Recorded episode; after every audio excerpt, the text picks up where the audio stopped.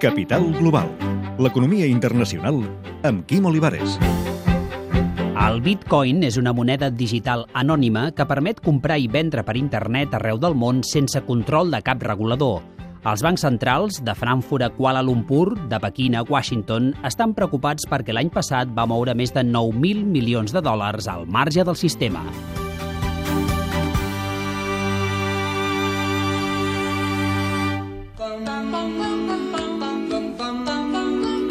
Mr. Bitcoin, bring me money.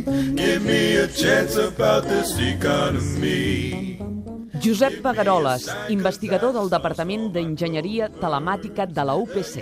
Bitcoin és una divisa electrònica i s'enmarca dintre del que en general són els pagaments electrònics. És una novetat perquè no necessita cap banc central, per entendre'ns, que validi la autenticitat o el valor. La divisa creada el 2008 es cotitza cada dia en pujades i baixades sobtades de valor que aprofiten els especuladors. Jesús Palau, professor de finances de SADE ha passat al principi de tot de valdre 6 dòlars el bitcoin, va pujar quan el de Xipre a 200 i pico, després va caure a 60, després ha tornat a pujar a 1.000 dòlars el bitcoin i l'última vegada que m'ho vaig mirar s'estava a 800. Els bitcoins s'obtenen? A través de resolució d'algoritmes eh, d'encriptació. A mesura que va resolvent problemes et van donant bitcoins. És una notació en compte. Llavors, hi ha una altra manera menys luterana el tindre'ls, que és anant-los i pagant dòlars a canvi de bitcoins.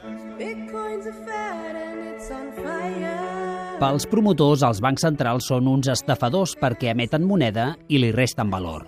I han trobat aquesta solució. La màxima quantitat de bitcoins que pot arribar a existir en circulació és coneguda. I em sembla que són alguna així com 21,6 milions de bitcoins. Final del 2012, l'oferta de bitcoins en circulació ja era de 11 milions. Si jo tingués bitcoins, jo estaria super interessat en que el bitcoin es fes famós. I és que el preu tindrà una tendència a pujar. I llavors me'l puc vendre per dòlars. Molts establiments els accepten, però el professor de Sade hi treu importància. Si vostè posa el número de la seva targeta de crèdit, llavors com Walmart també li accepta. per comprar llibres a Amazon no necessita bitcoin, simplement necessita una targeta de crèdit. Amb una targeta de crèdit, cling, però la moneda també té un costat fosc. Ningú no sap qui hi ha al darrere de la seva creació.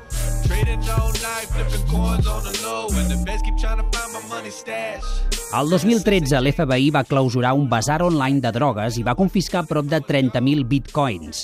Ara falta veure si les autoritats nord-americanes els canviaran per dòlars, uns 27 milions al canvi actual, perquè si ho fan, donaran legitimitat a la moneda.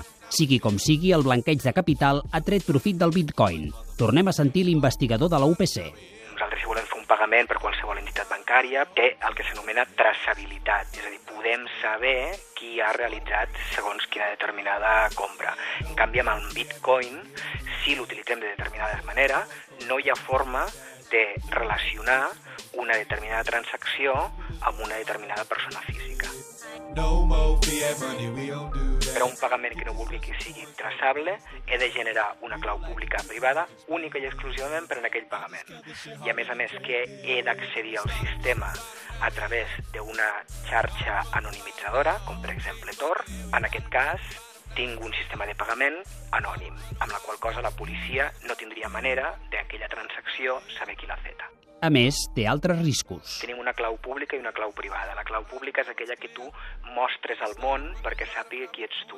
I la clau privada és aquella que no ensenyes a ningú i que només utilitzes tu per demostrar qui ha estat fent allò és el que hi ha al darrere d'aquesta clau, que és el Joaquim Olivares. Bé, doncs si es perd aquesta clau privada, la quantitat de bitcoins associat a aquell usuari també es perden. És recomanable comprar bitcoins? I, I love to earn my digital Què ens aconsella el professor de finances? Vostè és un especulador? Faci el que vulgui. Si vostè vol tindre bitcoins perquè dintre 3 o 4 anys es vol comprar un pis, no ho faci. Perquè igual es podrà comprar un pis molt més gran o potser no podrà ni pagar l'entrada.